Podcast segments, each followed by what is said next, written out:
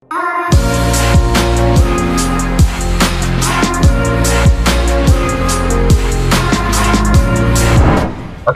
um, assalamualaikum warahmatullahi wabarakatuh. Uh, selamat malam teman-teman semua.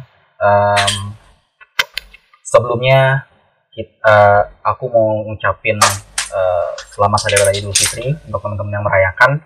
Uh, selamat hari raya Idul Fitri 1441 Hijriah.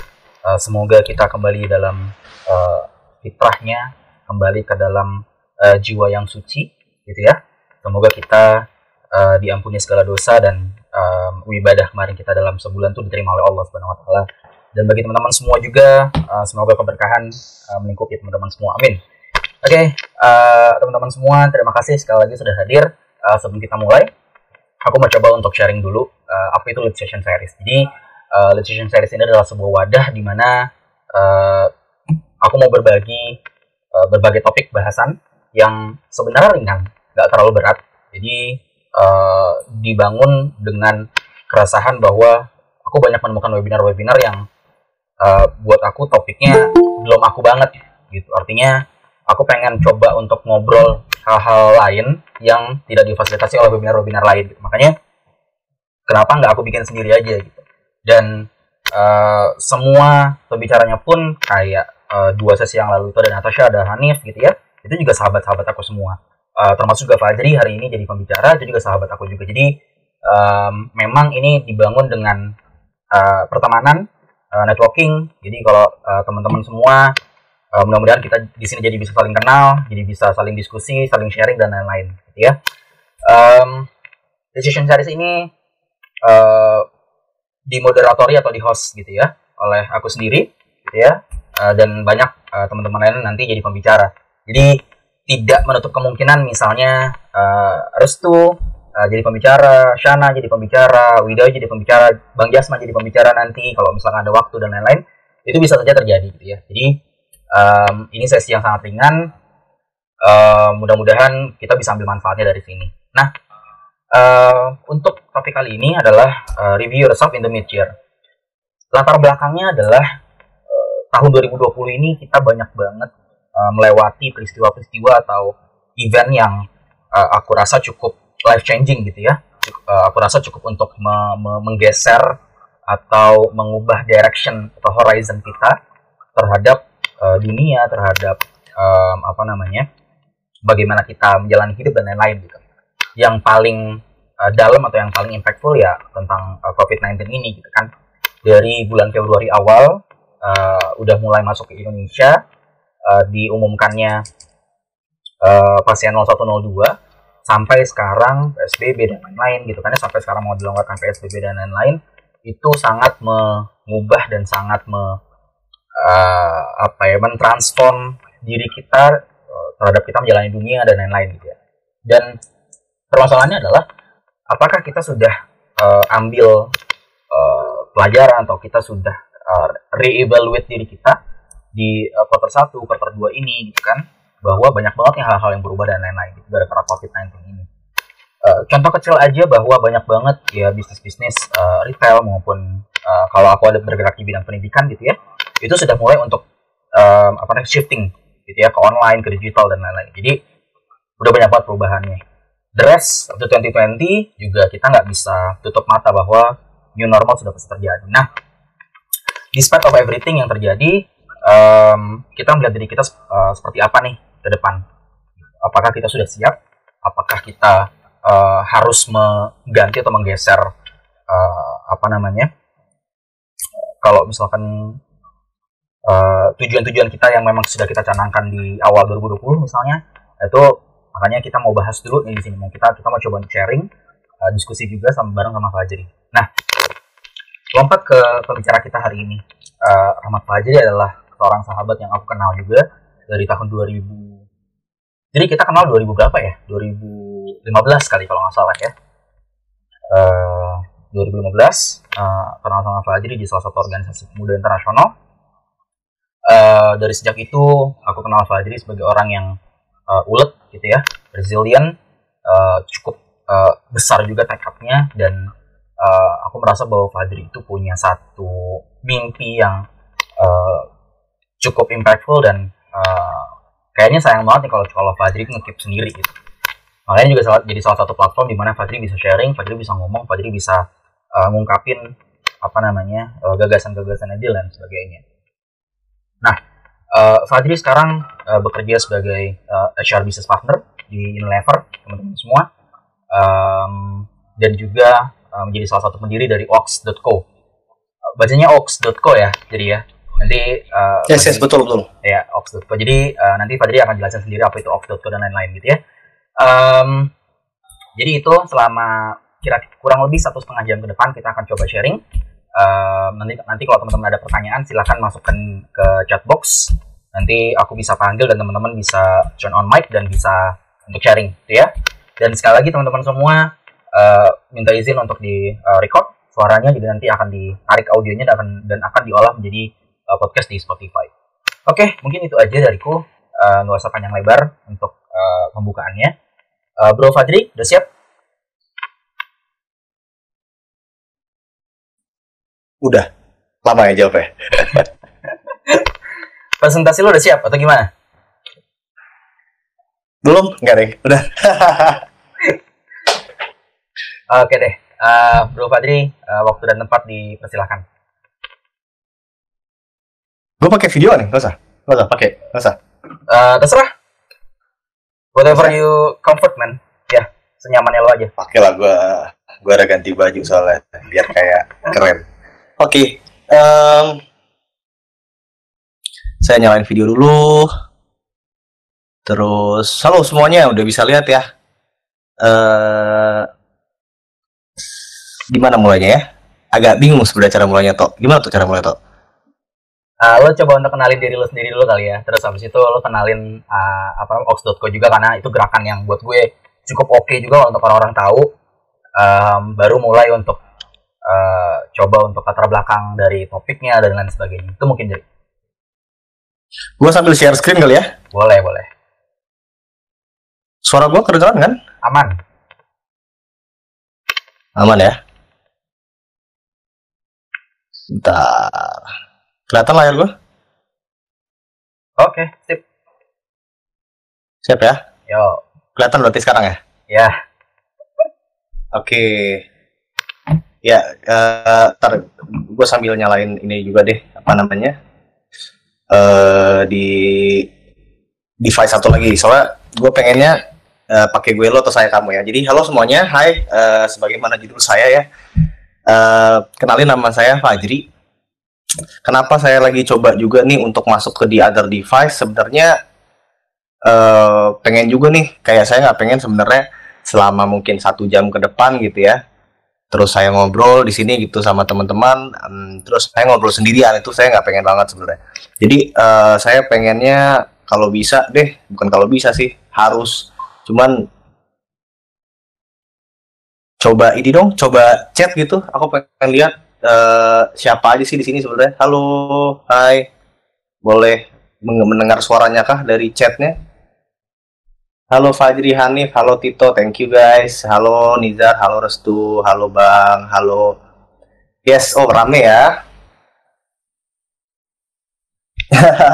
siapa itu CEO sekretari itu siapa? Coba. Vicky Farhan, Ivan, woi ada Jasman, wow. Jasman juga salah satu mentor saya kalau nggak saya nggak bisa desain kayak gini nih ada Shana ada Ahmad Salmin ada Safira um, halo semuanya. Jadi memang tadi saya bilang kayak saya sudah lebih pengennya nanti saya sambil ngomong ntar bakal ada beberapa pertanyaan juga sebenarnya yang saya pengen coba gue lo aja kali ya biar lebih asik. Yang gue pengen kalian semua balas di chat gitu. Jadi kita sesinya lebih ke dua arah kita coba sesi virtual dua arah gitu. Uh, terus uh, mudah-mudahan kalian bisa dengar suara gue jelas gitu. Um, uh, alhamdulillah uh, bisa dapat kesempatan untuk sharing gitu alhamdulillah bisa dapat kesempatan buat sharing seneng uh, dan mudah-mudahan sih sharingnya bermanfaat sih. Iya kenalan dulu berarti ya. Kenalan? Eh salah. Salah slide-nya. Gimana dong? Oh ganti dulu ya. Ini ini slide yang mana nih? Anda kebanyakan jadi pembicara webinar Anda. ya udah karena salah slide-nya kita mulai ice breaking dulu aja lah biar nggak kaku-kaku banget. Uh, ini teman-teman semua mungkin punya pekerjaan masing-masing lah ya. Saya lihat coba di attendance list itu ada yang sekarang udah kerja, ada yang sekarang masih uh, kuliah gitu kan. Uh, simple banget ya. Aku pengen lihat jawaban dari kalian semua di chat box. Nah itu dari 24 jam terakhir berapa banyak sih yang kalian habiskan untuk ngobrol sama orang dan kalau misalnya kalian ingat berapa banyak orang yang kalian udah ngobrol. Boleh dijawab di chatbox jawabannya kalian boleh pikirin eh, uh, 30 detik gitu ya supaya nanti kita bisa masuk ke topik selanjutnya. Tito berapa toh berapa jam? Wih kalau gitu udah ngeri pak. Gue nggak bisa ngapa-ngapain. Wah kalau ada lagi yang lain? kalau gue berapa Yo, Tito, Tito. ya? Hari ini gue disambi kerja jadi walaupun cuti tapi tetap kerja nggak um, banyak mungkin ya sama pacar uh, chat-chatan pasti teleponan pasti ada. Mm-hmm. tapi mm-hmm. mungkin kurang dari 10 jam kali ya ngobrol sama orang. Tuh ada Hanif 24 jam. Ada Femdia 12 jam. Sama more than 8 orang soalnya kerja gitu ya. Kifarhan bingung berapa ya. Paling sama sahabat aja. Ada lagi yang lain yang lain? Berapa jam sih maksudnya coba coba lihat 24 jamnya tuh secara uh, realistik gitu kan kita punya 6 sampai 8 jam buat tidur, mungkin kita ngabisin setengah jam sampai sejam buat mandi gitu kan. Terus di dalam situ ada 8 sampai 12 atau 14 buat yang workaholic untuk kerja gitu ya. Habis itu ada meeting-meeting sama orang. Nah, di situ tuh kira-kira totalnya berapa jam sih kalian ngobrol sama uh, diri kalian sendiri? 6 jam, 4 jam sama 12-an orang.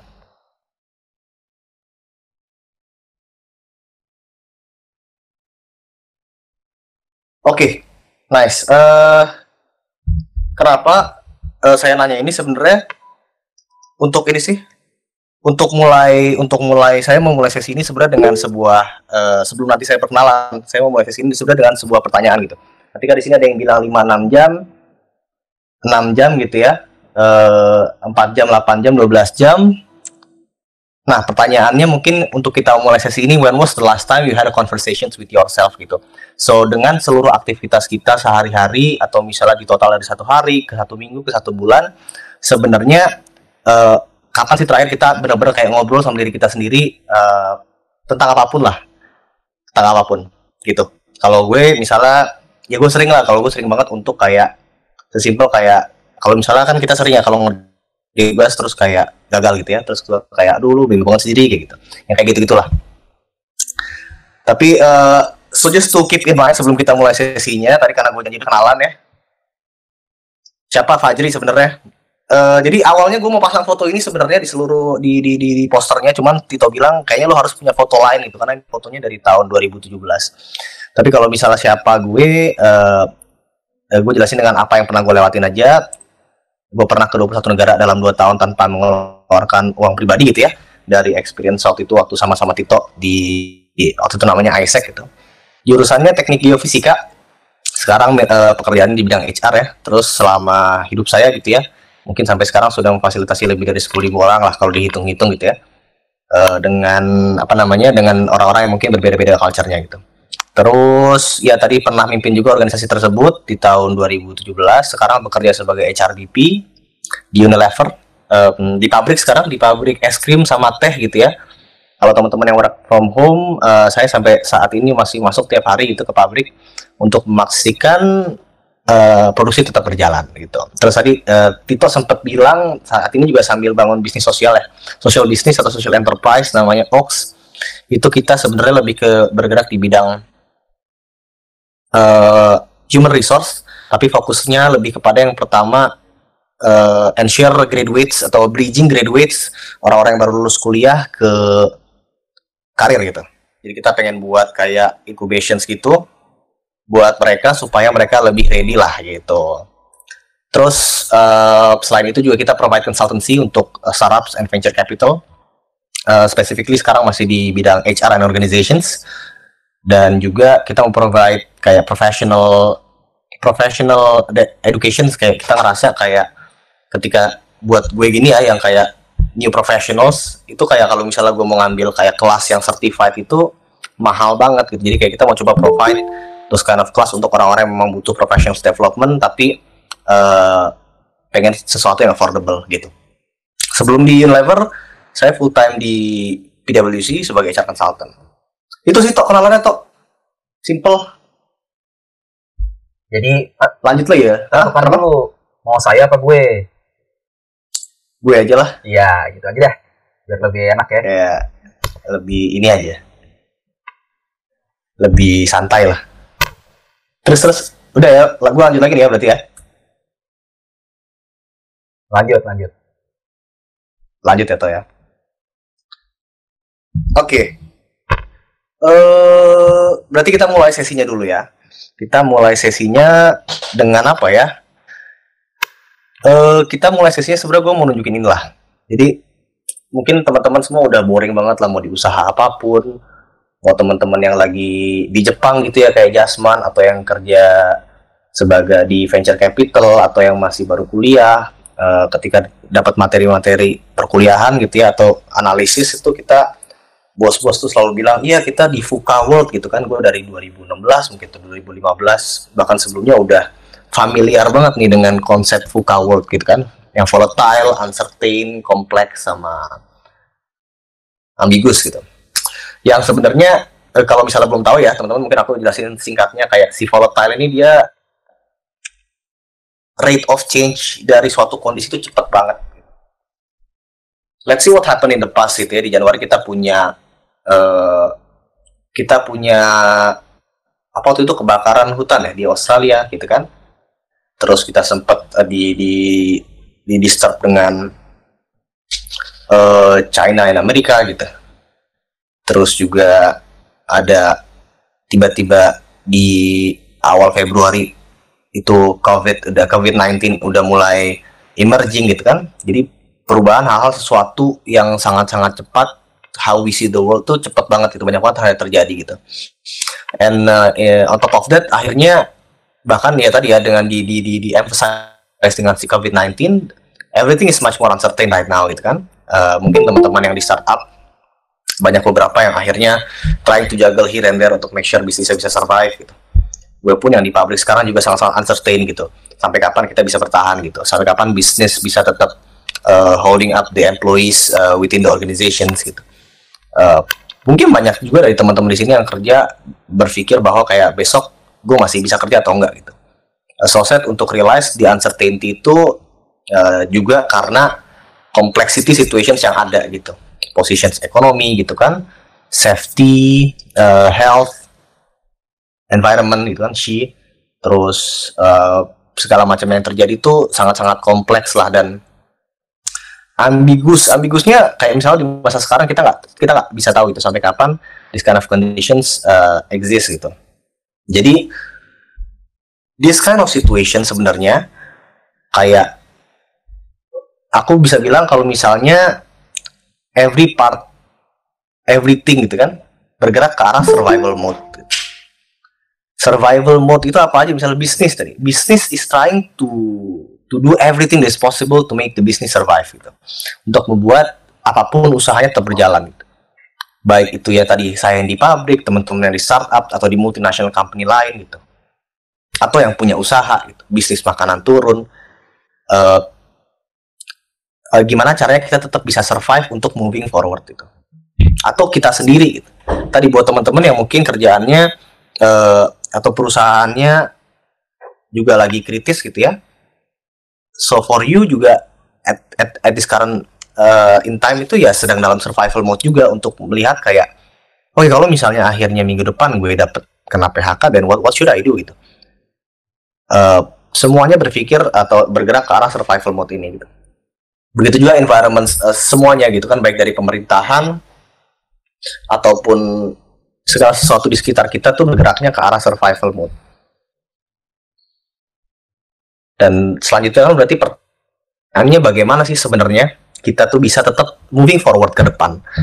Moving forward towards apa gitu kan? Kalau tadi konteksnya adalah personal ya tadi Tito sempat bilang gimana akhirnya kita bisa uh, tetap mencapai tujuan yang kita pengen capai gitu kan. Kalau kita coba lihat ke belakang gitu baru banget kemarin kan kayak New Year 2020 gitu, tahun baru 2020.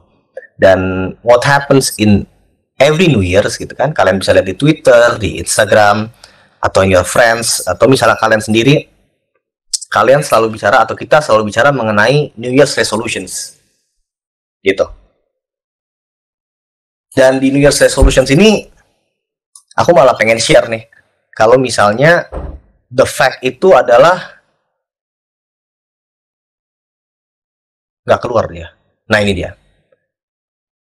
Dari ada sebuah research di tahun 1988 tuh dia cerita kalau misalnya 92% orang yang ngeset goals tahun baru itu sebenarnya nggak pernah bener-bener pada akhir tahun tuh bener-bener mencapai itu gitu.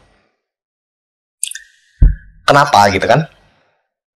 Kalau pertanyaannya kenapa banyak gitu. Tapi kalau aku pertanyaan aku ganti, akhirnya apa yang akhirnya 8% lainnya ngelakuin secara berbeda gitu. Yang pertama, ini aku coba ngambil dari beberapa baik itu paper ataupun buku yang pernah aku baca ya. Just share uh, kalau misalnya set goals that are specific and challenging itu penting loh gitu. Atau kalau misalnya di Seven Habits dia bilang kayak have your end in mind itu penting loh. Tapi have your end in mind terhadap sesuatu yang kalian benar-benar passionate and committed to the end gitu. Dan juga uh, use your feedback cycle to track progress. Kita punya goals gitu kan.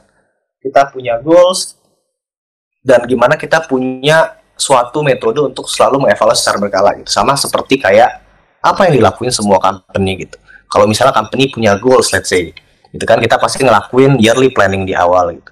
Bahkan kadang-kadang ada monthly review, ada quarterly review gitu. Untuk make sure sebenarnya gimana kalau perusahaan konteksnya gimana perusahaan terus uh, bergerak untuk achieving their goals. Track the progress and see what needs to be happen uh, for the next month, for the next quarter. Align all your goals gitu. Ketika kita punya goals si 8% ini mereka benar-benar mencoba meriletkan let's say gue punya tiga uh, resolusi 2020 gimana tiga resolusi 2020 adalah satu hal yang memang supporting uh, goals yang lebih long term sehingga dia memastikan kalau tiap tahunnya dia memang achieving something yang sebenarnya get them closer to their final goals atau end goals. Terus yang kelima juga aku juga tulis di situ ada lean on trusted advisors itu gimana uh, orang-orang tersebut si 8% itu mereka finding mentor, finding coach atau finding support system untuk moving forward karena memang tadi di situ juga di researchnya dia bilang kalau misalnya si mentor and coach ini bisa uh, giving mental support as a person uh, kita pasti butuh mental support untuk moving forward dan yang menarik sebenarnya avoid multitasking gitu. Mungkin teman-teman di sini ada yang percaya terhadap multitasking, mungkin ada yang enggak gitu. Ini dari buku 12 Brain Rules itu buku menarik banget dia bicara mengenai gimana cara otak kita bekerja. Dan salah satu yang dia cerita itu lebih kepada riset membuktikan kalau misalnya uh, orang yang misalnya doing focus on one task itu 20 20% more focus dan 20% get more task done compared to the one that is multitasking gitu. Jadi memang cara kerja otak kita sedemikian rupa berevolusi sehingga sebenarnya multitasking itu bukan sesuatu yang membuat hasil kita lebih efektif gitu. Nah, eh, oke, okay, cukuplah kita ceramahnya ya. Cakep pelajari gitu kan. Terus gimana caranya gitu kan? untuk bisa jadi si 8% tadi gitu. Kalau si 8% tadi mungkin berarti kalau misalnya kita tadi bicara mengenai goals, aku coba cerita mengenai salah satu goals aku. Jadi dulu itu zaman satu tim sama Tito sama salah satu tim itu bahkan di sini ada Jasman juga. Jasman itu dari dulu selalu cerita lah. Jasman selalu cerita, bukan cerita. Jasman selalu ngeledekin kalau misalnya uh, gue itu gendut gitu kan, gue gendut, gue buncit gitu kan. Yang padahal dia juga buncit tapi uh, setelah gue selesai waktu dari ISEC gue masuk PwC kan gue sebagai konsultan gue sebagai konsultan itu kadang-kadang orang-orang melihat dari penampilan gitu kan terus gue jadi mesti kayak merasa kayak kayak gue mesti ngurusin badan. Gue mesti ngurusin badan gitu. Jadi akhirnya di tahun 2019 gue mencoba pertama kalinya untuk uh, lari lah. Gue mulai lari dan di situ gue mulai tahu lah mengenai dunia lari gue tahu mengenai uh, gue punya end goal ya itu maraton sebenarnya. Dan baru banget nih tahun ini kalau nggak salah apa beberapa waktu yang lalu belum terlalu lama ada ini orang namanya Kipchoge gitu. Kipchoge itu gue gak tahu jemput namanya kayak gimana. Cuman Kipchoge ini dia orang Kenya. Uh, dia baru memecahkan rekor untuk lari maraton. Maraton itu 42 kilo di bawah 2 jam gitu.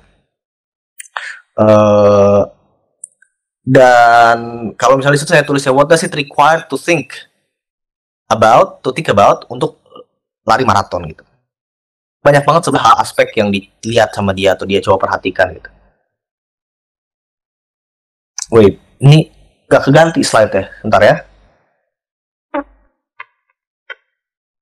Elliot Kipchoge.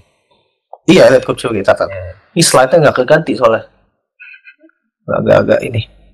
Agak-agak sedih. Ganti dong. Ganti dong. Belum belum kelihatan ya fotonya si Kipchoge ya? Belum nggak apa kita sambil coba jalan deh. Atau kita sambil coba uh, end share screen dulu. End share screen sekarang muka gue yang gede.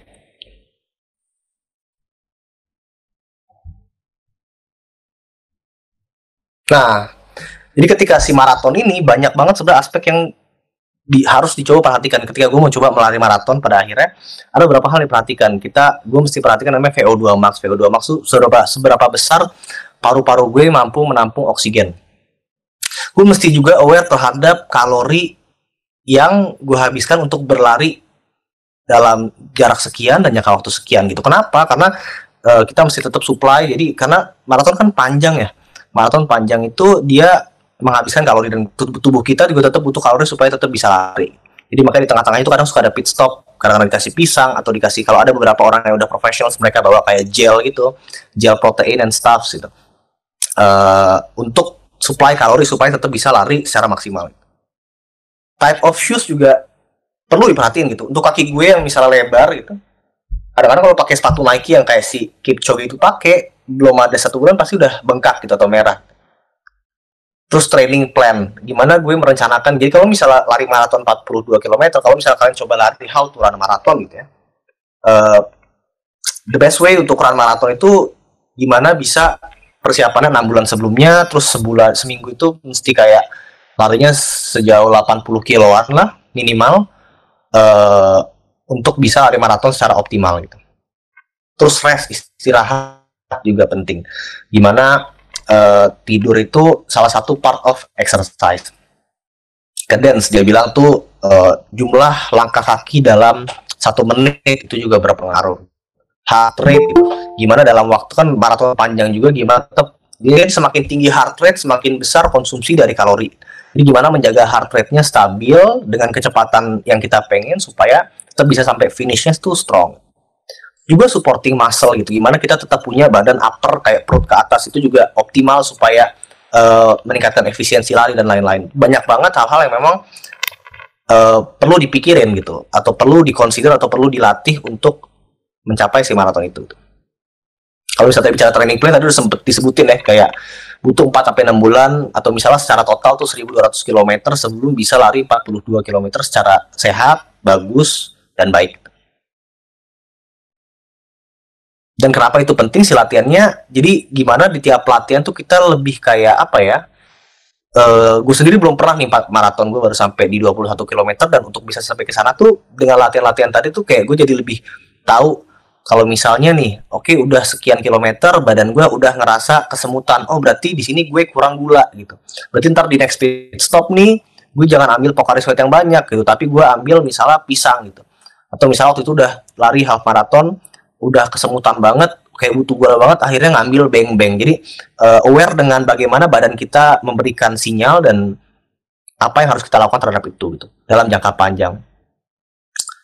Nah kalau misalnya tadi si cerita maraton ini jadi sebuah goal purpose ya jadi si seorang Fajri yang ingin mencapai goal atau purpose-nya dia gitu.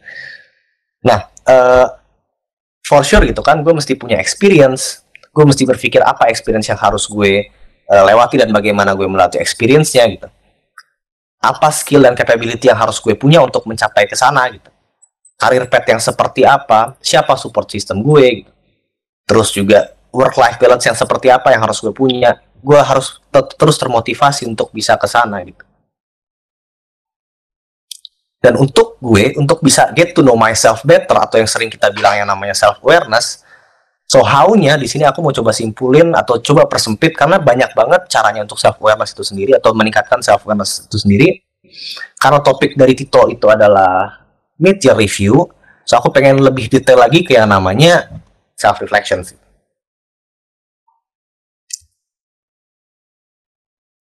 Ya, belum muncul ya slide-nya nge-lag lagi. Jadi terakhir itu self reflection. Oke. Okay. Oke, okay, fair enough jadi gitu kan. Terus gue mesti ngapain gitu. Kalau ngapainnya sebenarnya simple ya. Yang pertama yang pertama coba spend waktu beberapa jam lah sama buku tulis dan juga pulpen. Kalau misalnya untuk kalian yang membuat fokus tuh butuh musik ya put some music terus reduce all possible distractions gitu notifications dari bos dari teman atau Netflix atau segala macam yang bisa mengganggu waktu kalian untuk melakukan aktivitas ini sit in the most comfortable place cari tempat duduk yang paling nyaman take as much time as you need gitu ya. Uh, karena untuk jawab beberapa pertanyaan ini sebenarnya.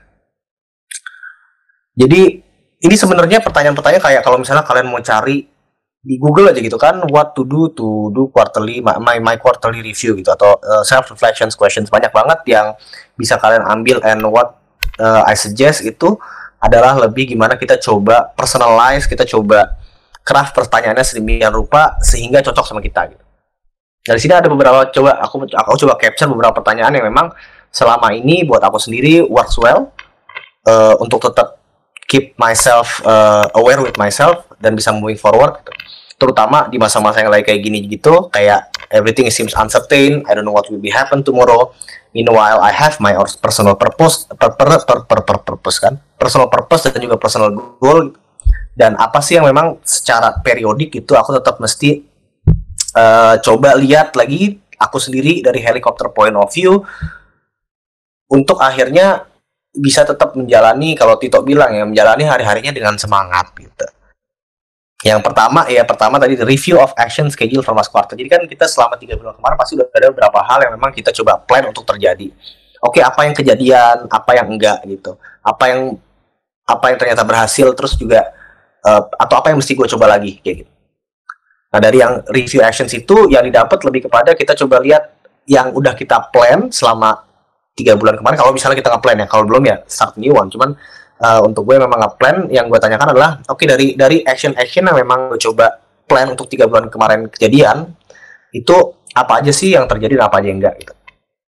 Terus juga dari tiga bulan secara keseluruhan ya baik personal maupun professionals itu kita review the goods gitu atau kita coba lihat highlightsnya itu apa sih apa yang went well buat kita atau apa yang kita lakuin bagus gitu. Uh, positif positif hal atau sesuatu yang membuat perasaan kita merasa senang gitu. Dan kenapa the goods dulu baru the bad gitu? Karena soalnya dengan gini kita sebagai manusia punya tendensi untuk think about the bad at the first place gitu. atau misalnya judging ourselves too much gitu. dan gimana kita coba fokus the good at the first place uh, supaya nanti kita bisa ngelihat the badnya jauh lebih objektif. Itu jadi kalau misalnya stop the bad itu tendensinya lebih kayak self blaming terus uh, reducing your self confidence Ntar untuk melihat the goodsnya agak lebih sulit gitu try to say try to see the goods dulu at the first place baru habis itu going to the bad gitu. Oke okay, what did I fuck up gitu? Apa yang gue lakukan nggak bagus gitu? Atau apa yang gue membuat gue marah gitu? Uh, sesuatu hal yang nggak berjalan dengan rencana hal-hal yang memang uh, membuat kita jadi demotivated sad anger mad uh, semuanya hal dicoba di list down dulu gitu. Kenapa juga yang debat itu hal yang penting sebenarnya supaya untuk nanti tiga bulan ke depan kita udah aware terhadap apa yang sebenarnya ngebuat kita going to the low lights. So then whenever we see the possibility untuk kita ke sana lagi kita coba kita coba avoid atau kita coba uh, overcome dengan actions yang bakal kita set di nomor 6 itu the people in my life juga penting gitu. Siapa pun keluarga pacar istri suami uh, orang-orang yang memang yang tadi aku bilang gimana kita punya support system gitu orang-orang yang memang supporting us untuk going through our life gitu.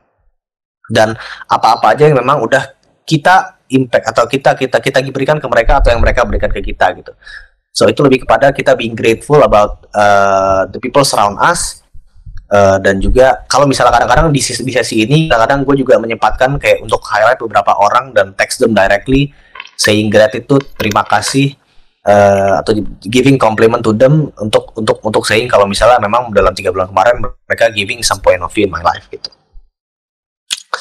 Terus dari overall itu lesson learn-nya apa sih gitu? Lesson learn itu bisa sesuatu hal yang memang kalian pelajari secara uh, kontekstual gitu ya. Bisa baca buku atau bisa uh, ikut online course atau memang lesson learn dari tadi the good and the bad.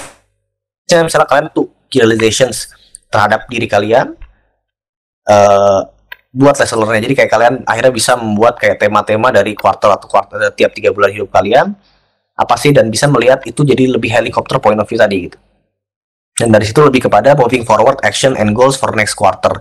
Apa yang selanjutnya akan dilakukan di tiga bulan ke depannya gitu.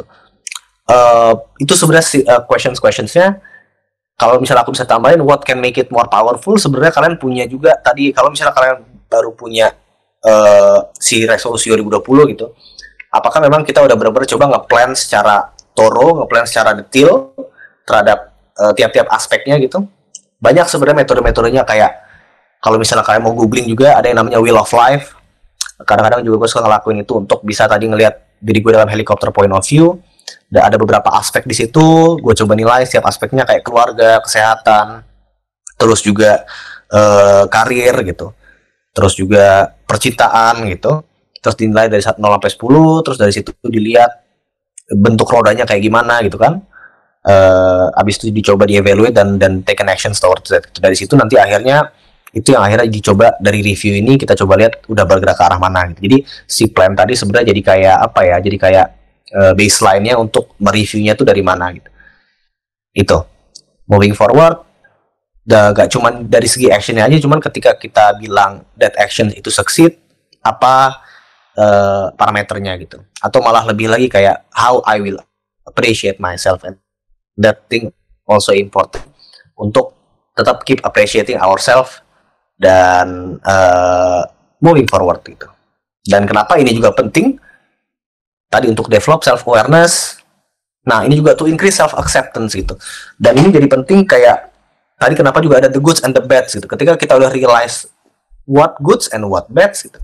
Terutama yang tadi aku bilang what bads yang akhirnya jadinya lebih kepada self blaming, kita jadi coba untuk accept what happened in the past, learn from it and moving on gitu to create freedom kita kita udah uh, feel relief about what happened in the past uh, kita jadi lebih merasa punya kebebasan terhadap diri kita oke okay, dan kita jadi lembar baru lagi so what needs to shape in the next quarter to be more of myself. Jadi kita lebih kayak gue banget gitu.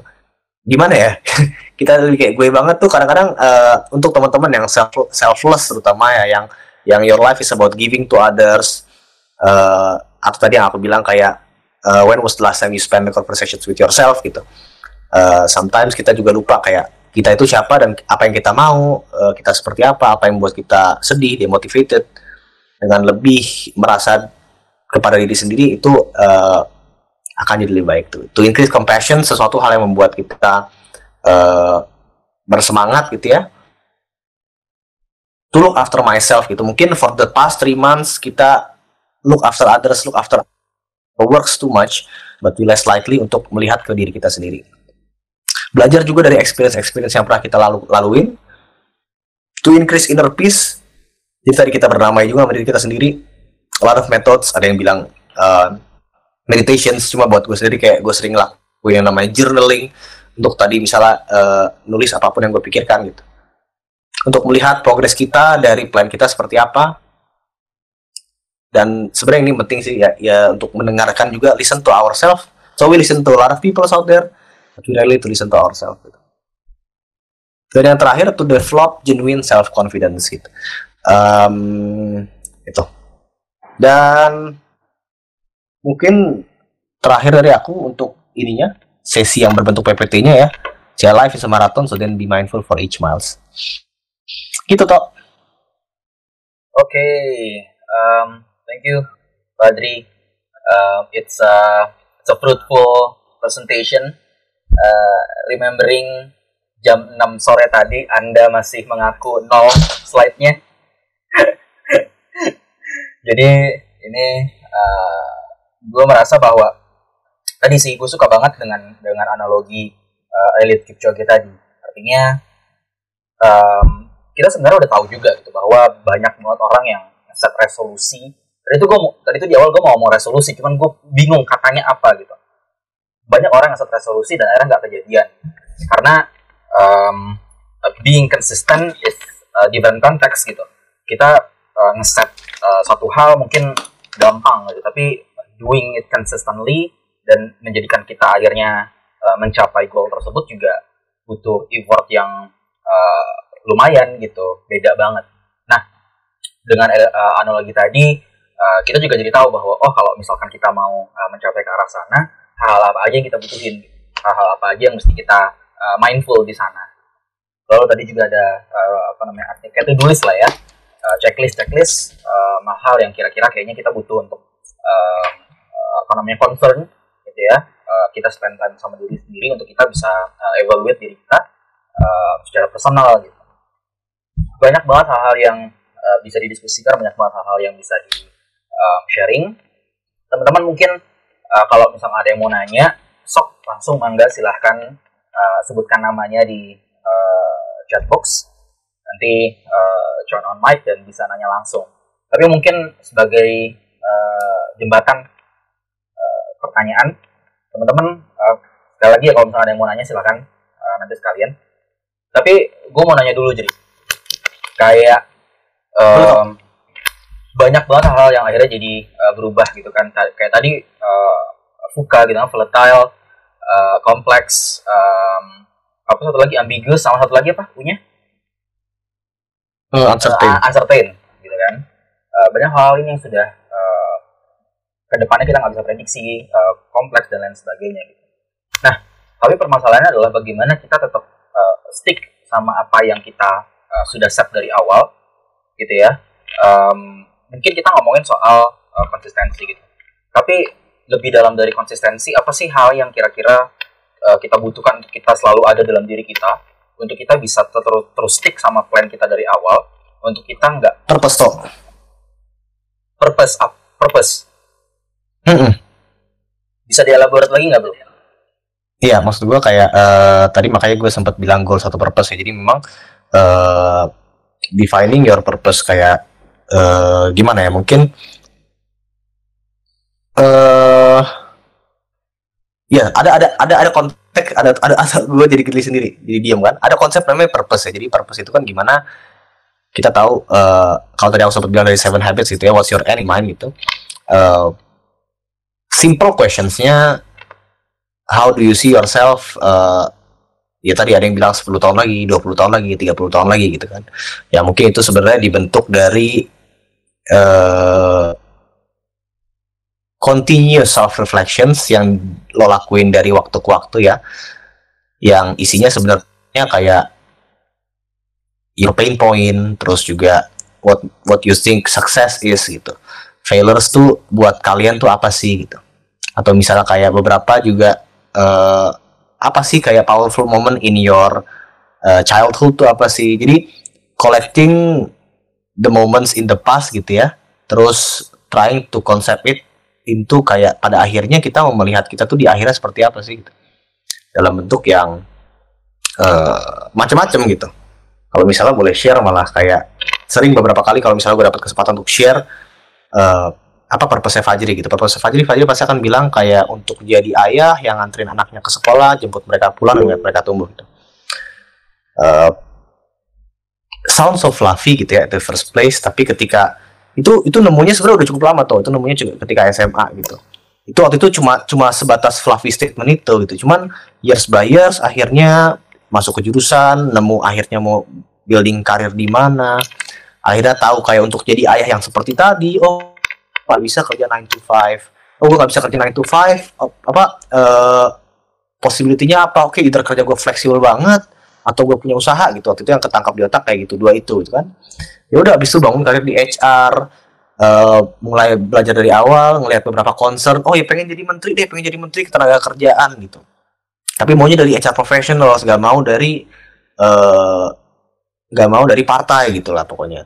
Sebenarnya baru dari situ kan akhirnya dapet tuh ujungnya mau ke mana tuh dilihat kan years by years gitu. Mungkin itu kalau gue keren banget kayak Nadim gitu misalnya 33 tahun 35 tahun gitu. Oke berarti sekarang apa yang mesti gue lakukan gitu? Kayak akhirnya kan tadi one of the reason misalnya ketika at the first place gue ambil consultant gitu kan bahkan di sini ada salah satu eh, mentor dan sahabat gue juga waktu itu merekrut gue eh, ketika dia bilang dia tanya waktu interview kayak emang eh, kenapa mau consultant itu kan dari teknik geofisika? Ya ya pengen building karirnya di HR dan eh, menurut gue waktu itu kayak HR itu gue kayak belajar kue-kuenya HR at the first place gitu. Tapi gue tahu gue akan jadi praktisi one day gitu. Waktu itu juga akhirnya pindah karir gitu kan. Ada pilihan di suatu startups dan juga multinational company gitu. Eh, misalnya startup dengan gaji yang lebih gede waktu itu dan juga sekarang multinational company. Eh, dan akhirnya kenapa pilih multinational company? Karena di sini ada exposure yang pengen gue ambil untuk gue bisa ke sana gitu dan itu tadi untuk untuk untuk decision makingnya toh dan kalau misalnya untuk akhirnya yang pertanyaan lo tadi apa yang mesti kita pegang untuk tetap moving forward gitu. Selain tadi jadi kompas si purpose ini akhirnya jadi satu hal yang eh macam-macam orang metode ya. Cuman membuat kita menjadi lebih resilient gitu. Ketika kita menghadapi failure atau demotivated gitu. Reminding to our purpose tadi untuk purpose tadi yang jadi ayah itu sebenarnya datangnya sangat-sangat powerful dan sangat-sangat personal buat saya gitu waktu itu Eh, dari pengalaman dulu di masa kecil punya quality time bersama ayah gitu kan. Hal-hal yang memang saya sangat-sangat value dan cherish gitu yang saya pengen kejadian di, kejadian di anak saya gitu. Eh, dan dan dan itu membuat jadi sestrong itu gitu. Buat saya sendiri eh, sehingga tadi ketika ini dimotivated eh, pasti dong banyak dong cara-caranya macam-macam dan tiap orang beda-beda gitu. Dan by reminding the purpose is one of the way untuk bisa faster to bounce back eh, dan dan getting back to the track gitu sih toh Oke, kalau gue nangkepnya berarti purpose ini jadi kayak ideal state kali ya. Jadi kayak ideal uh, condition di um, masa depan dan dari ideal state itu kita bisa breakdown um, step by step atau roadmap kita uh, untuk mencapai ke ideal state itu kita mau ngelakuin apa dulu nih gitu A B C D E F G gitu kali ya Jri ya. iya toh betul toh Cool. Oke, um, ini ada satu pertanyaan dari uh, Herman Ginting. Mungkin Mas Herman atau Kak Herman untuk uh, uh, nyalakan mic-nya boleh? Biar kita ada interaksi. Biar nggak aku nggak berdua aja sama Fajri ini. Boleh? Monggo, silahkan.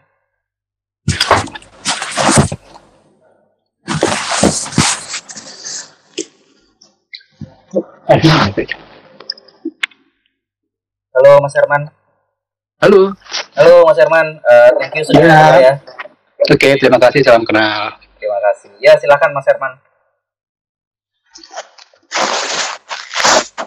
Ya, eh, oke mungkin eh, in general udah kayak yang di chat ya, karena biasanya em, kalau kita dapat the best factornya itu dari hal-hal yang kita masih bisa hindari, masih kita bisa atasi. Itu sih jauh hubungannya sama kita, kita masih cukup bisa abaikan atau lupakan gitu ya, meskipun itu adalah pilihan terakhir. Tapi kalau ternyata the best factornya itu datangnya dari hal-hal yang memang keseharian itu ada di sekitar kita, ada hal misalnya keluarga mungkin bisa berdasarkan pengalaman pribadi atau dari sharing dengan teman, sharing dengan orang lain. Menurut Kak Fajri, apa ya yang eh, bentuk konflik yang sederhana tapi cukup bisa membuat kita jadi lebih bisa merasa lebih positif gitu ketika the best-nya itu eh, selalu ada di sekitar kita. Oke, thank you uh, Mas Herman. Fajri, monggo silakan.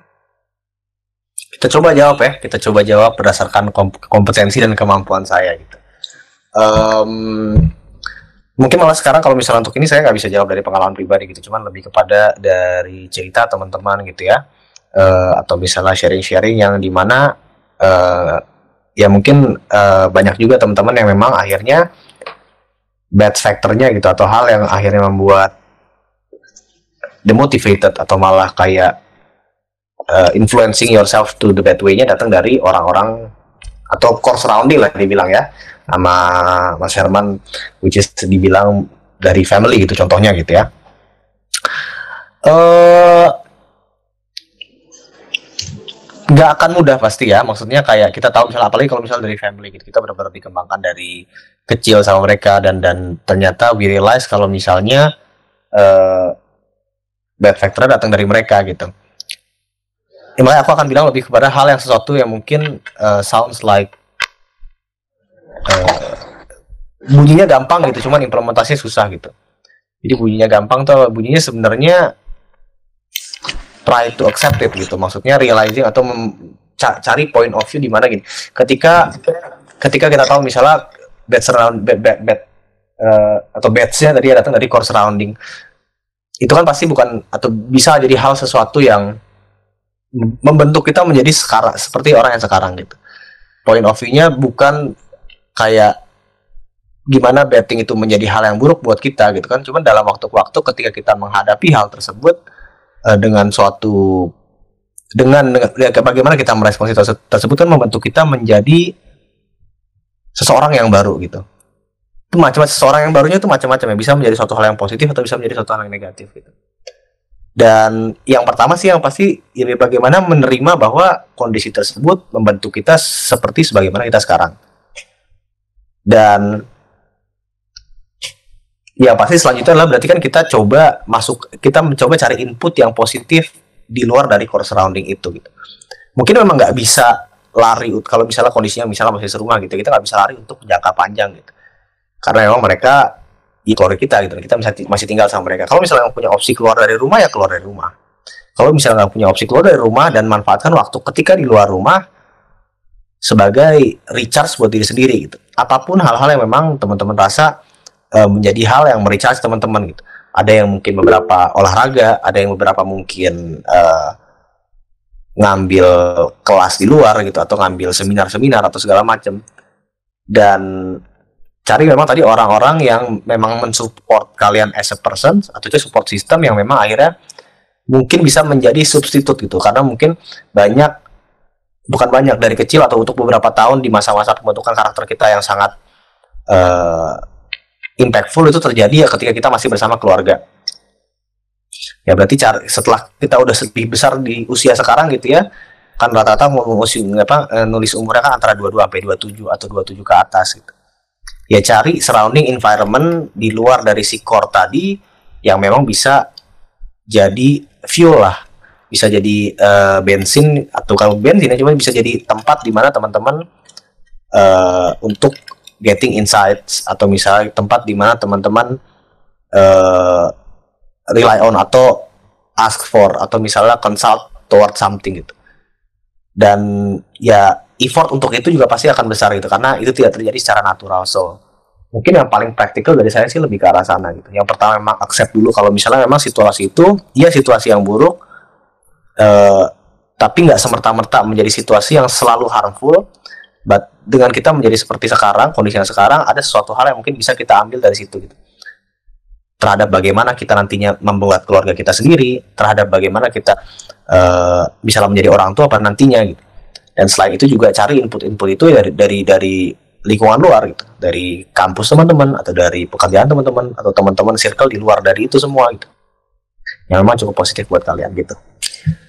Gitu toh Oke, jadi kalau boleh saya simpulkan, jadi ada dua tadi. Ya. Pertama self acceptance, betul. Karena setelah kita uh, self uh, kita udah accept dengan bagaimana kita dan kondisi kita, kita bisa lebih fokus mau um, apa namanya mau mengoptimalkan yang mana. Kemudian yang kedua mengoptimalkan waktu dan kegiatan selama kita berada di luar dari uh, core surroundings kita yang tadi banyak memberikan um, apa namanya uh, exposure yang negatif gitu ya. Betul.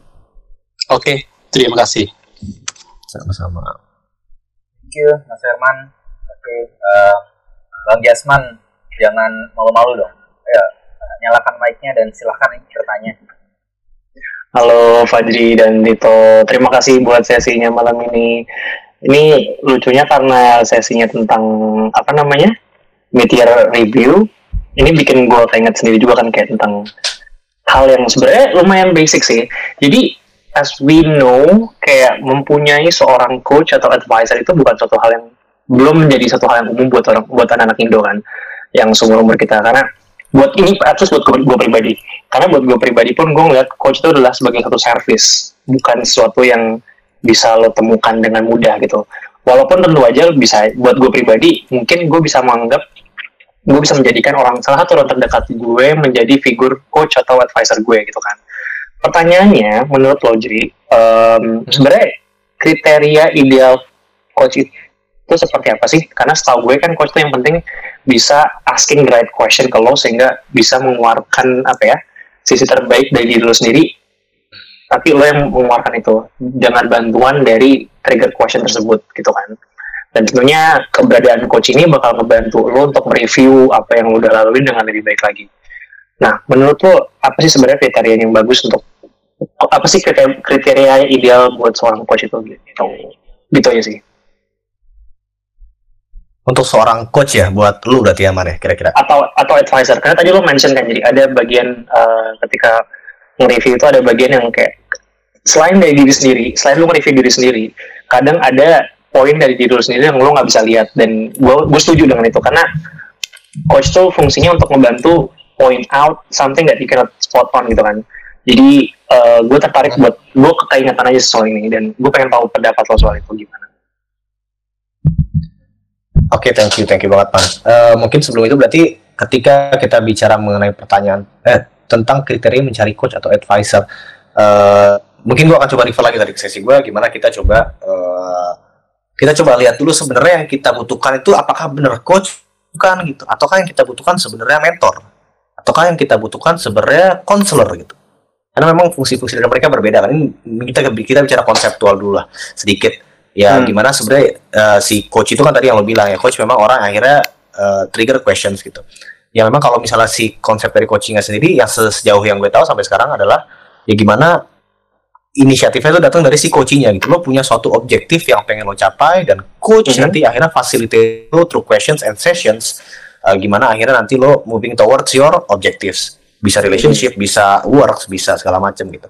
Kalau ternyata memang yang lo butuhkan adalah mentor, mentor mungkin lo, akhirnya lo gimana cari orang yang punya more experience than you untuk terhadap suatu hal. Misalnya, let's say sekarang lo sebagai digital marketing gitu, ya dan lo pengen di, lebih tahu lebih dalam atau misalnya lo pengen tahu perspektif apa sih yang mungkin gue nggak punya sebagai digital marketers. So you need to find a mentor gitu, orang yang punya experience lebih yang bisa lo kasih point of view yang uh, dari experience dia gitu. Mm -hmm. atau konselor gitu, konselor tuh lebih kepada uh, kok kayak apa ya kayak bimbingan konseling sama kayak beda-bedanya hampir tipis sama kayak coach ya. Cuman uh, si konselor itu kadang-kadang dia kadang-kadang dia providing solution solutions juga. Uh, jadi in between antara si coach dan mentor lah gitu. Sehingga prof jadi berbeda. Nah kalau akhirnya kriteria coach yang ideal seperti apa mungkin akan sama ketika gue bilang kayak cari mentor kayak gimana. Sebenarnya jadinya lebih kayak cari ini ya cari pacar gitu man. Jadi cocok-cocokan gitu dan hmm. uh, jadi lebih ke explore oke okay, uh, eh, let's first conversations oke okay atau enggak gitu uh, maksudnya hmm.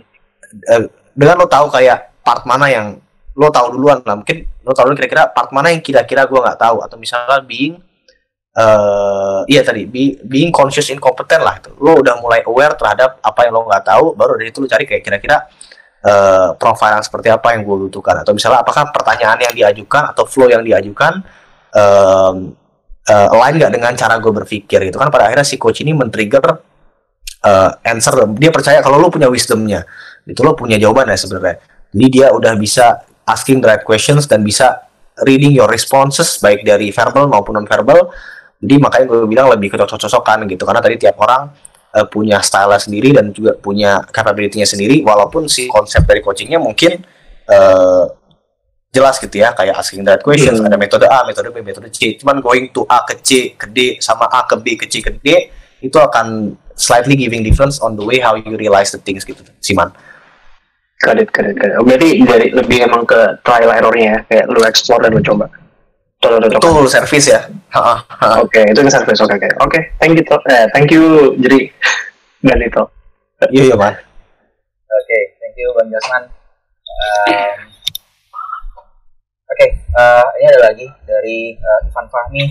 Monggo, oh, iya. uh, Mas Ivan. Halo, Mas Fajri dan Mas Ito. Salam kenal. Halo, Mas Ivan. Ya, uh, gua melihatnya gimana ya?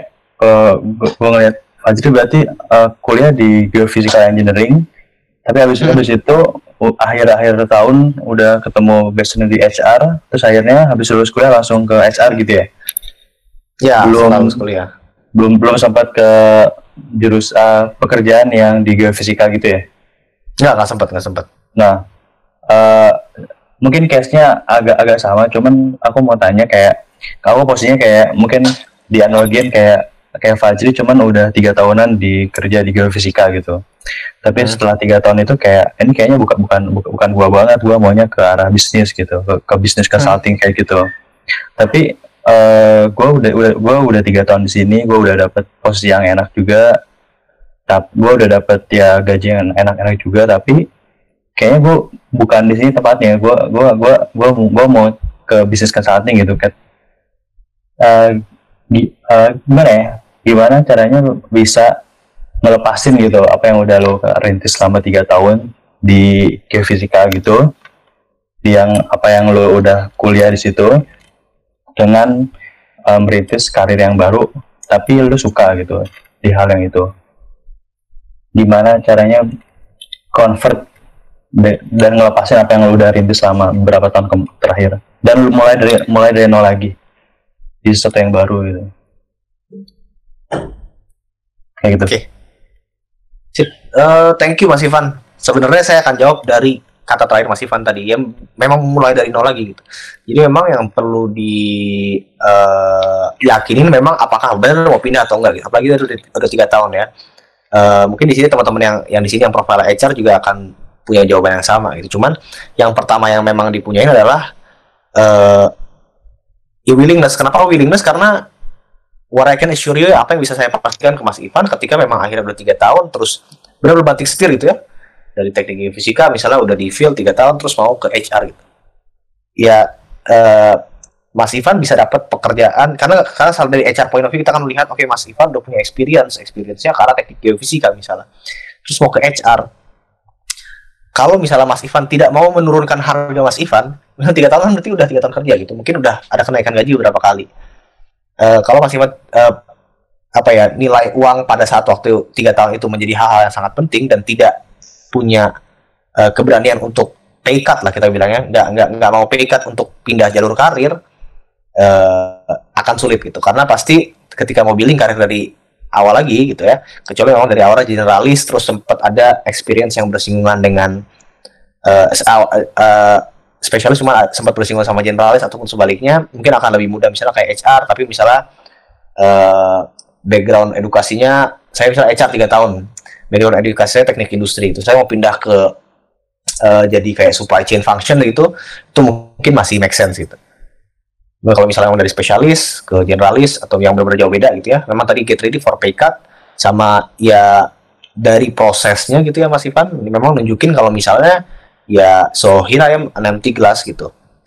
Saya jadi kelas kosong lagi gitu. Kalian bayar saya lebih rendah juga gak ada masalah gitu karena memang saya pengennya ke sini gitu ketika memang Mas Ivan bisa menunjukkan si aspirasi tadi aspirasi dalam proses tahapnya gitu mereka akan lebih appreciate gitu. Biarpun memang akan lebih sulit di awalnya untuk bisa dapat misalnya ke proses selanjutnya. Karena untuk CV screen pasti dia akan melihat kayak jadi udah di sini udah berapa lama? gitu. Pasti harganya tinggi. Pasti banyak assumptions terhadap Mas Ivan dengan profile misalnya tiga tahun jadi bidang yang berbeda gitu.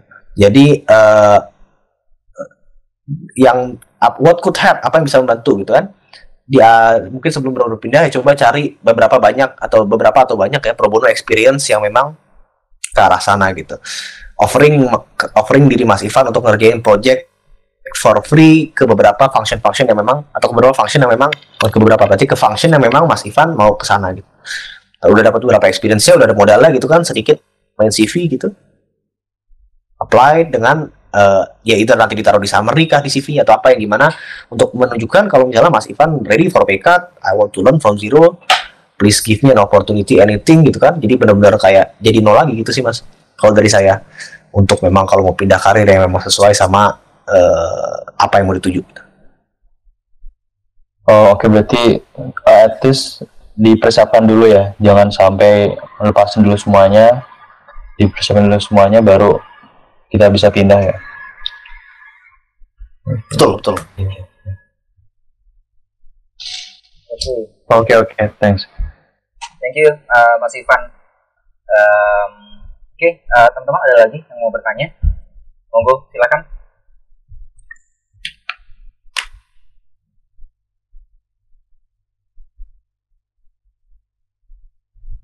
Oke, em, masih belum ya. Jadi eh, mungkin gue mau eh, tanya lagi nih sama lo jadi. Em, Boleh toh? tadi kita udah banyak ngomongin soal um, nah tadi ngomongin soal uh, kriteria coach kalau lo sendiri lo udah punya coach jadi atau uh, lo mencari mentor atau um, seperti apa jadi sekarang atau lo justru jadi coach Sekarang ada dua-duanya sih, Tok. Oh masih masih belajar sih, masih belajar kayak untuk bisa ya suka ngelakuin tapi kalau misalnya ditanya udah oke atau belum mungkin dicoba sendiri dulu aja gitu ya daripada saya bilang udah oke ternyata belum oke gitu kan. Tapi kalau misalnya sekarang kondisinya mentor ada gitu ya. Ada mentor-mentor off life juga ada, ada mentor untuk kerjaan juga ada. Jadi beberapa yang memang orang-orang yang memang kalau mentor ya beberapa orang-orang yang saya uh, approach personally gitu untuk kayak eh, saya boleh eh, apa eh, misalnya mas atau mbak boleh jadi mentor saya nggak? Atau memang kalau nggak secara informal aja jadi kayak secara nggak langsung kita udah punya eh, relation sebelumnya baik dari pekerjaan ataupun pertemanan gitu. Terus memang eh, oftenly atau secara sering nanya beberapa hal yang memang saya butuh insight-nya. Gitu sih toh Nah, tapi pertanyaannya adalah bagaimana membuat itu menjadi matter. Artinya gini, kalau misalkan lu punya coach atau misalkan lu punya mentor gitu, apakah lu kayak menjadwalkan, oke kita seminggu sekali kita meeting atau ketemu, eh, jadi kayak em, apa namanya eh, milestone-nya udah sampai mana? Nah itu ada ada kayak gitu nggak jadi? Atau kayak ya udah ketika lo butuh aja lo datang ke dia atau misalkan kayak eh, informal aja atau memang ada satu rutinitas gitu jadi? Kalau misalnya untuk coach itu kan memang tadi aku bilang kayak kita punya objektif yang jelas ya bisa tuh di awal sama coachnya udah ada agreementnya dulu nih. Kita eh, dari baik dari objektifnya terus maupun juga teknisnya berapa kali eh, berapa kali untuk sampai ini selesai gitu ya. Begitu juga kadang-kadang kalau misalnya eh, dap- eh, misalnya memang teman-teman kayak hire eh, personal coach gitu ya juga baik dari segi terms of payment dan lain-lain gitu. Cuman eh, jadinya benar-benar di set karena tiap kalau coaching biasanya di akhir coaching session satu ada key actions. Key actions itu kayak butuh cer- certain times untuk eh kita coba eksekusi gitu. Untuk kita lihat improvementnya dan apakah kita bergerak ke arah objektif kita gitu. Kalau mentor sih jauh lebih fleksibel ya. Ada yang benar-benar kayak kita nggak state gitu ya eh I'm a mentee and you're my mentor gitu Eh, ada yang memang kalau misalnya kayak tadi ada beberapa yang gue memang approach karena gue merasa eh, dari segi personal dia oke, point of view dia oke, gue merasa gue bisa eh, capture beberapa nilai gitu ya. Benar-benar gue bilang kayak eh, Mas Mbak saya boleh apa eh, boleh jadi mentor saya nggak gitu. Terus dia kadang-kadang ketawa gitu, hahaha mentor apa gitu. Cuma dari situ jadinya benar-benar se-fleksibel itu sih.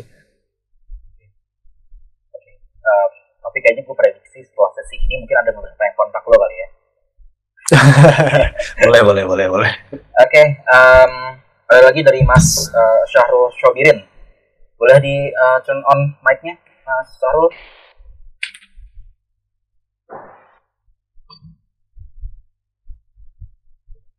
Halo, Mas Syahrul. Oke, em, gue, gue bacain aja kali ya. Jadi eh, dia mau eh, Bang Fadri ada referensi buku, tontonan atau platform buat bidang HR profesional nggak Bang?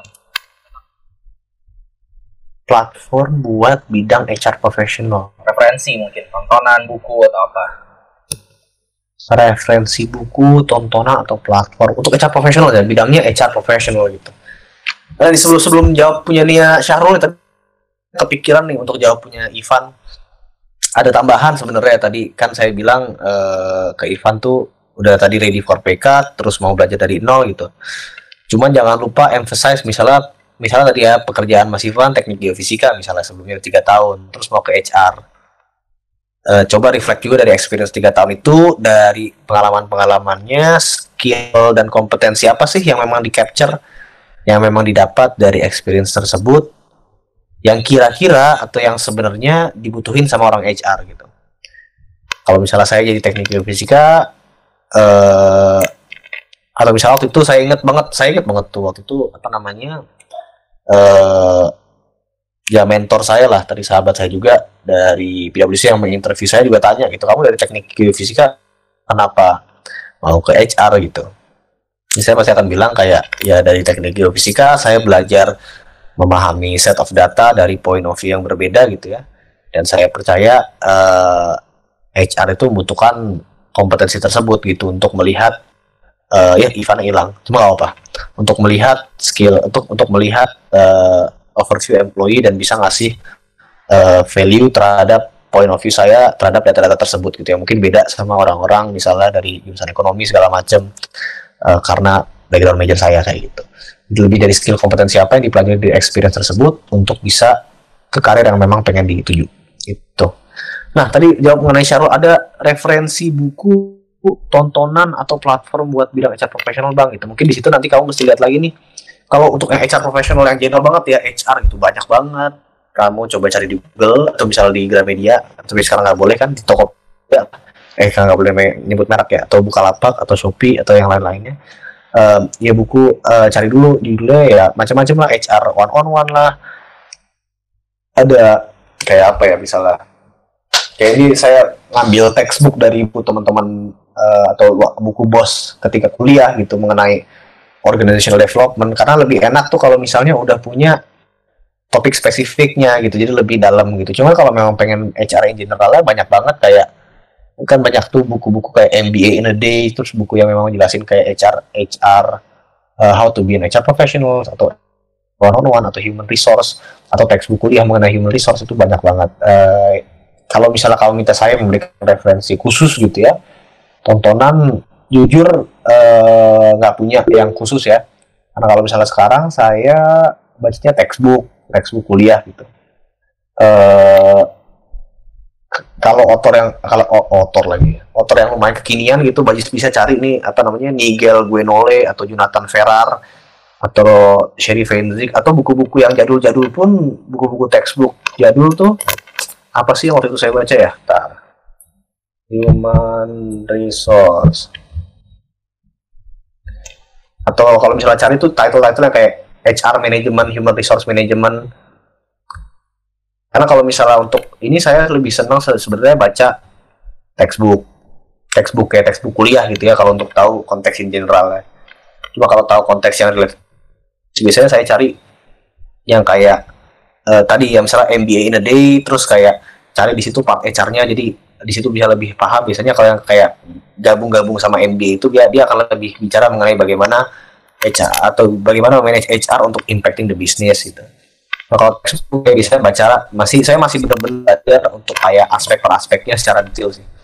Karena tadi tiap aspeknya kalau bicara teoritisnya banyak banget eh tapi by the end ya sebenarnya kalau misalnya boleh ngasih opini personal. Bahkan kalau dari saya eh, HR belajar dari experience itu maksudnya jadi lebih impactful sih. Karena memang benar-benar berangkatnya dari real case terus dari situ lihat baru referensi yang kira-kira relevan baru dari situ di apply itu Mas Syahrul. Kalau misalnya Mas Syahrul ya kan? Nggak apa kita sebut nama formal aja ya. Eh, referensi bukunya sih nggak ada yang spesifik. Kalau misalnya suggestionsnya belajar dari eh, praktis terus baru dicari case-nya. Misalnya lagi misalnya Mas Syarul eh, tiba-tiba eh, bukan tiba-tiba posisinya di talent advisor gitu ya berarti ya berarti baca banyak mengenai rekrutmen gitu.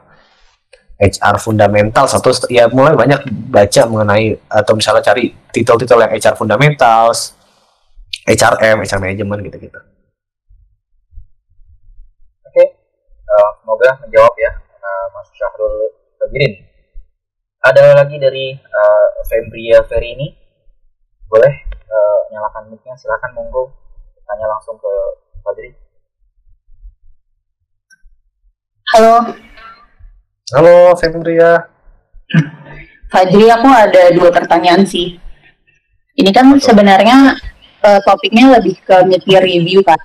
Nah, pertanyaan aku yang pertama, jadi kalau mid-year review itu kan kalau di company kan kayak sebenarnya kita punya KPI nih, sama aja kayak diri sendiri. Misalnya kayak kita punya KPI untuk diri sendiri. Mau itu soal karir atau soal misalnya punya keluarga, ada KPI tersendiri yang mau di-achieve gitu kan. Nah, kalau di mid-year itu kan biasa kita uh, review nih di tengah tahun ini KPI kita tuh udah achieve berapa sih nah di kondisi kayak gini pas tadi juga udah udah apa namanya sempat senggol tentang uh, sekarang kondisi pandemi dan lain-lain menurut aku ini kan sebenarnya kondisi yang extraordinary nah cara kita review itu mesti based on kayak KPI awal kita atau kayak mesti dirubah atau mesti diturunin kayak gitu. Selain yang tadi Fadri udah uh, apa namanya saranin kan kita waktu review juga harus ngeliat yang kayak misalnya ditulis apa yang bikin kita happy kita lebih ke feeling. Tapi selain itu kalau lebih untuk kayak achievement KPI kita untuk diri sendiri dan kehidupan personal kayak gimana? Mesti dirubah diturunin atau based, tetap based on KPI awal? Itu yang pertama. Terus kalau pertanyaan kedua sorry ya agak banyak. Nah yang kedua itu cara lihat the KPI ujung atau kayak the final goal kita itu di kondisi kayak gini yang extraordinary itu lebih kayak uh, pas nyetir mobil kalau hujan kan kita cuma bisa ngeliat kayak 10 meter ke depan doang. Cara ngeliatnya tuh mesti kayak gitu kayak short term short term aja atau harus tetap stick to the plan uh, initial plan gitu. As kayak sekarang kita tahu ada new normal dan new normal ini juga bakal happening di all industries dan juga how the world will behave gitu. Itu sih kak. Thank you. Semoga bisa dijawab makasih. Thank you. Um, Mbak Fembria ya. Uh, pertanyaan sulit ya. Oke. Okay. nah kalau KPI cara kita review kalau misalnya di masa kayak gini mesti dirubah nggak jadi? Atau uh, atau diturunin nggak gitu? Kalau company kan kita coba adjust ya. Mungkin uh, banyak lah mungkin teman-teman di sini juga udah udah udah udah aware uh, kalau misalnya tadi KFM juga berangkatnya dengan uh, kontrak company dengan meeting reviewnya ya mungkin ada beberapa metode ya yang yang bahkan kita coba tarik lagi lah ke personalnya gitu. Gimana kita bisa lihat dari KPI KPI atau key actions key actions atau goals goals yang pengen dicapai. Uh, tadi kita coba reflect lagi sama long term goal ya. Assumptionnya kita semua punya long term goal lah. Assumptionnya gimana kita lihat dari misalnya kita punya 10 goals gitu ya. Kita lihat lah impactnya dari tiap goals itu untuk ke sana tuh apa sih? Kan dari situ kan berarti tiap KPI-nya kan capture value buat kita sendiri kan. Dari tiap KPI-nya itu mana yang paling berimpact nih? Mau diskorin 1 sampai 5 ke 1 sampai 10 cuma diskorin lah. Tidak sampai 5 misal 5 paling impactful satu paling gak impactful. Mana yang memang paling impactful untuk bisa achieving your final goals terus okay. uh, dari ke 10 itu juga dilihat akhirnya mana yang paling visible gitu maksudnya kan tadi dengan aware with the changes gitu kan uh, we we welcoming the new normal gitu people will work in a different way gitu.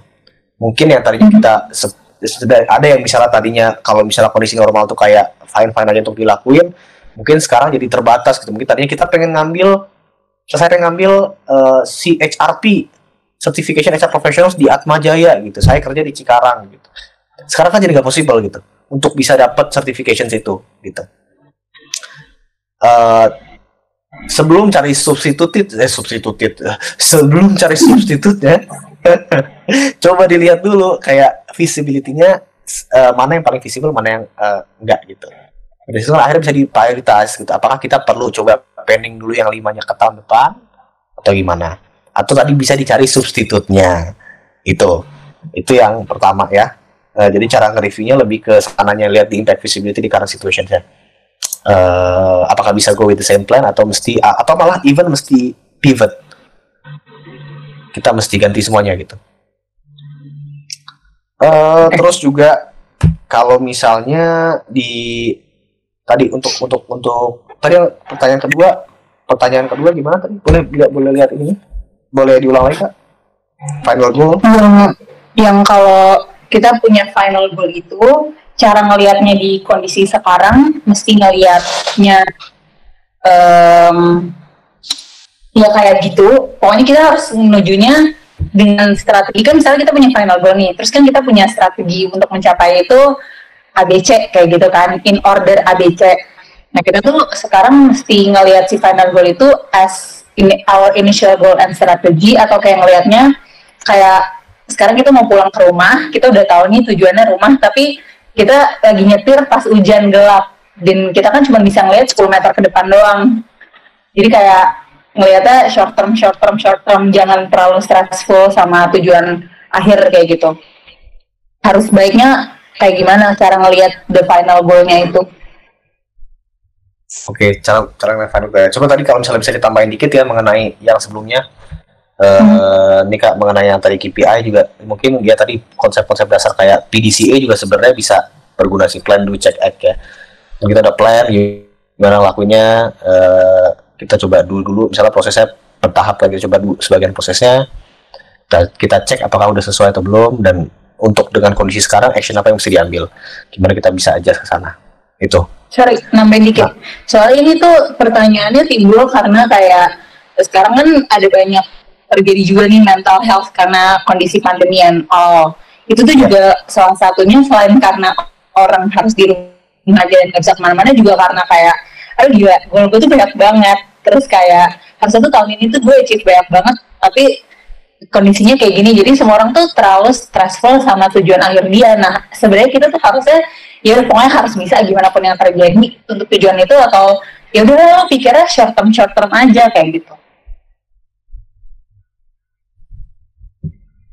Kalau misalnya malah bisa balik lagi tadi ke sesinya ya. Kan tadi eh enjoy the nature aja. Maksudnya enjoy the nature tapi ketika tadi eh fukanya tuh semakin nggak terkontrol ya Eh, Hmm. ikuti nature ikuti human nature di mana kita punya si survival mode tadi sih kita Oke. punya survival mode tadi dengan kita punya tadi si eh, end goalnya gitu eh, itu kan akhirnya nggak ada masalah gitu mungkin ya this can happen for six months this can happen for for one year this can happens for two years atau three years malah gitu sampai recovery full kan dengan punya si end goal tadi akhirnya eh, pakai survival mode oke eh, persempit atau misalnya tadi ha- having more quick wins untuk tetap bisa capture value yang yang memang pushing ourselves untuk ke our final goal sih kalau dari aku sih oke. perspektifnya lebih ke arah sana I see Noted. thank you kejawab thank you Tito Oke, thank you, uh, Fendria. Oke, uh, pertanyaan terakhir mungkin dari uh, Vicky Farhan, Mas Vicky Farhan, monggo silakan. Oke, terima kasih buat waktunya. Eh, Sebenarnya ini aku baru ada pertanyaan itu pas lihat slide bagian yang eh, apa sih benefit dari buat eh, goals-goals itu loh yang salah satunya itu meningkatkan self confidence. jadi long story short itu karena aku bisa bilang survival dari abusive working environment ya, dan bisa bilang aku tuh juga kayak emang eh, langsung mikir instantly thinking itu kayak bisa nggak sih apa namanya dengan kita buat goals goals seperti ini benar-benar meningkatkan uh, self self confidence kita. Karena jujur setelah aku sempat buat juga aku tuh kadang kayak mikir itu bisa benar-benar ngaruh apa enggak sih untuk ke depannya? Jadi kira-kira aku pengen tanya itu aja sih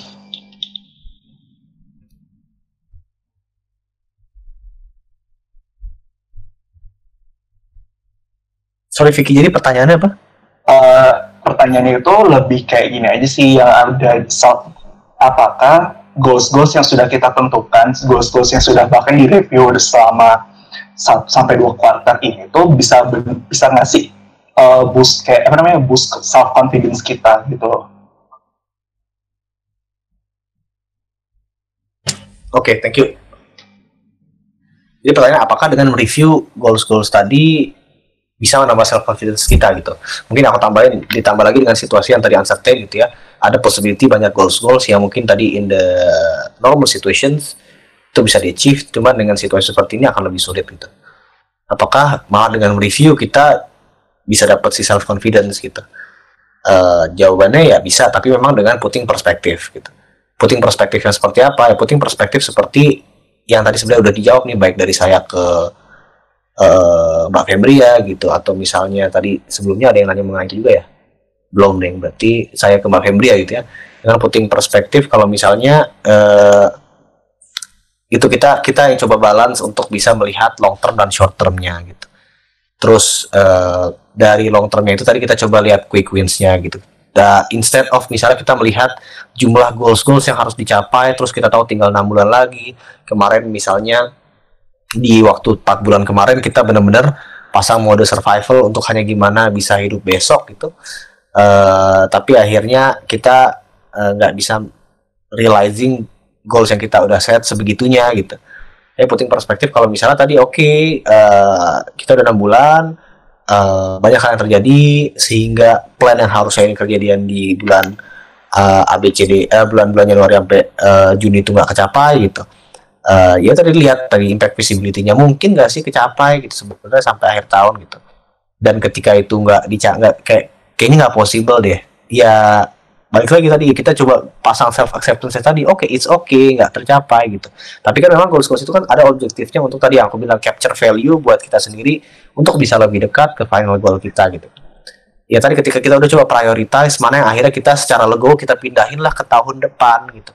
Atau kita cari substitutnya gitu dengan putting the right perspektif akhirnya kita bisa melihat 6 bulan ke depan dengan possibility uncertainty. Jadi udah uncertain possible lagi.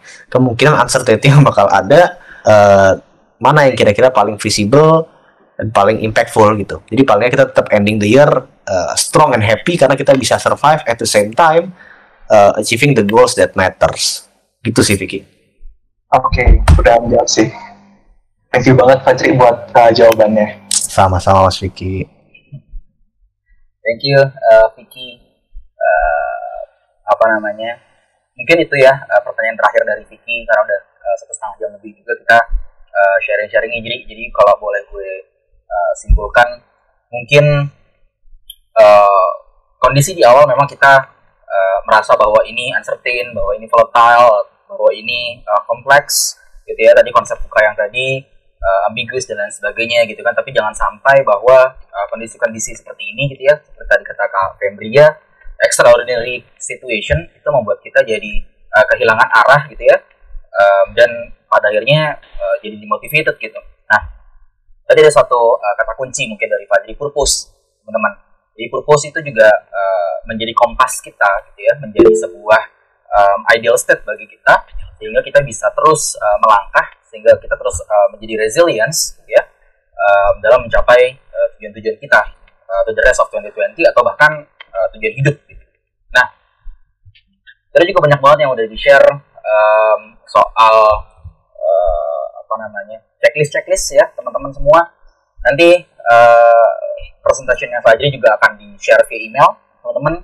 Jadi uh, jangan uh, takut ya uh, nanti checklistnya uh, yang belum sempat catat gitu ya misalnya atau belum belum sempat foto uh, presentasinya nanti akan di share nanti teman-teman bisa spend waktu sendiri gitu ya tiga uh, mungkin dua jam tiga jam sendiri uh, put on some music tadi kata Fajri kalau uh, kalau bantu dan coba untuk tulis ya ber uh, having conversation dengan diri sendiri mungkin itu yang uh, bisa jadi satu uh, apa ya uh, hal yang esensial buat kita untuk mereview diri sendiri gitu, oke okay? Um, dari Fadli mungkin ada uh, last statement atau uh, last conclusion eh last conclusion ya. Jadi kalau misalnya tadi tadi banyak bicara mengenai self awareness, self reflections, itu sih sebenarnya kayak exercise lah ya. Untuk tadi menemu kenali diri sendiri itu eh, merupakan satu hal yang perlu dilatih juga gitu. Dan sampai sekarang sih sebenarnya dengan menemukan kenali diri sendiri eh, akhirnya menjadi eh, apa ya kita bisa melihat diri kita dari segi helikopter point of view kita bisa lebih menerima situasi yang ada. Kalau misalnya ada juga beberapa riset yang akhirnya mengurangi tingkat stres gitu ya.